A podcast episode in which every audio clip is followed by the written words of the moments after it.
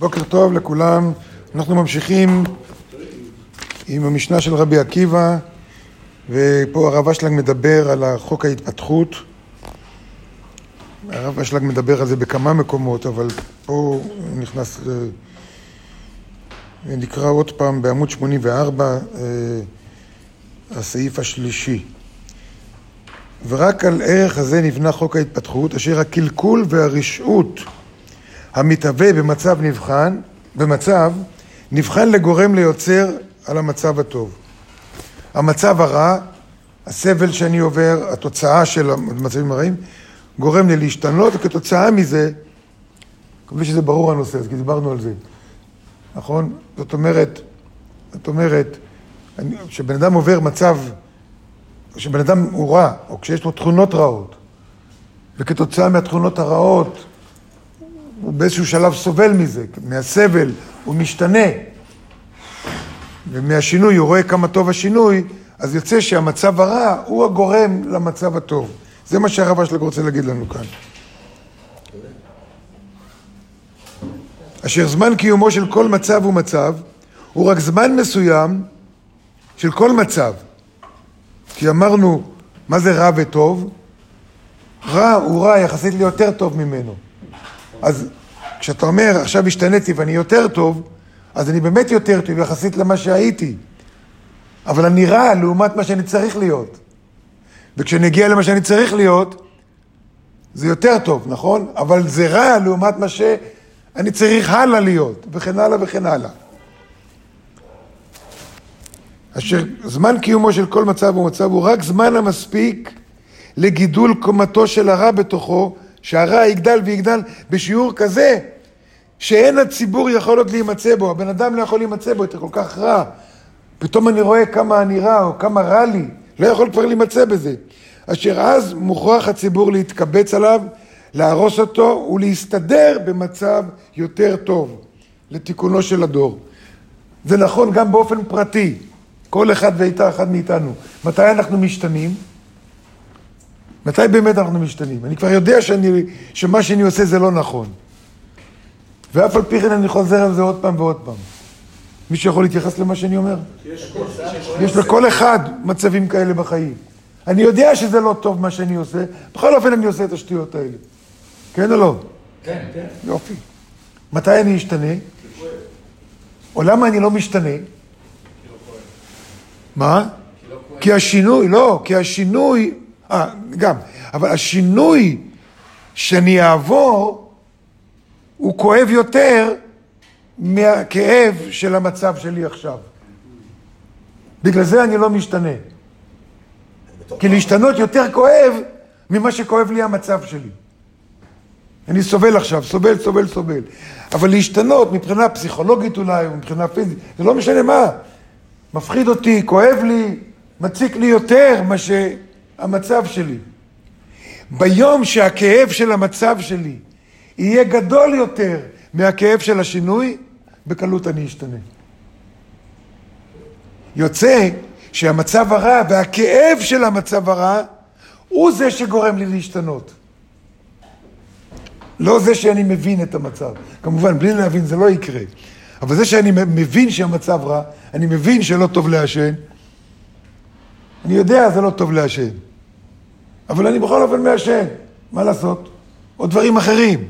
אז פתאום בן אדם מקבל התקף לב, אומר בוא'נה, החיים שלי פתאום יותר, פתאום הכאב לב מפחיד יותר, באמת זה מפחיד יותר מה, ש, מה שהידיעה, זה לא בריא, זה לא בריא. ואז מפסיק לעשן. זה מה שהוא אומר כאן. חוק ההתפתחות אומר שצריך זמן מסוים, מספיק, לגידול קומתו של הרע, של הכאב, של הסבל. אני עוד לא סובל מספיק. עד שזה יגדל ויגדל בשיעור כזה, עד שהציבור או בן אדם לא יכול כבר להימצא בסבל הזה, ואז מוכרח להתקבץ עליו להרוס את מה שאני עושה, זהו, אני לא עושה את הדברים האלה, כי אני סובל יותר מהשינוי עצמו, ולהסתדר במצב טוב יותר. זה נכון באופן פרטי, זה נכון גם. מה שקורה עכשיו בחברה שלנו, דיברנו על זה אתמול, מה שקורה בחברה שלנו זה חלק מהתהליך הזה. זה חלק מהתהליך. וכן זמן קיומו של מצב חדש. עכשיו הגענו למצב חדש, השתניתי, מצב חדש. נמשך גם כן עד שניצוצי הרשעות שבו מתבשלים לשיעור כזה שאי אפשר לסובלו. אשר אז מוכרחים להורסו ולבנות מצב יותר טוב. ככה האנושות התפתחה.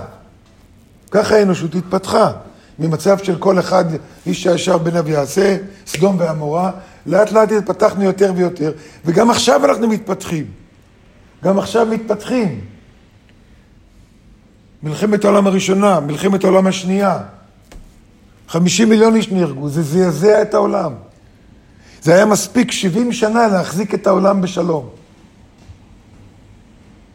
ושוב מתחיל, יש אוקראינה, רוסיה, סין מתכוננת למלחמה, ויש מתיחויות, מי שקורא את זה, מי שקצת מבין בדברים האלה, יודע שבשביל מלחמה לא צריך הרבה. מספיק שאחד יורה או אחד פוגע, או זה, זה משהו שטותי, אבל בפנים מבעבע, מבעבע משהו. מה המטרה מבחינת תהליך התיקון? מה המטרה של המלחמה? להביא אותנו למצב של יותר שלום.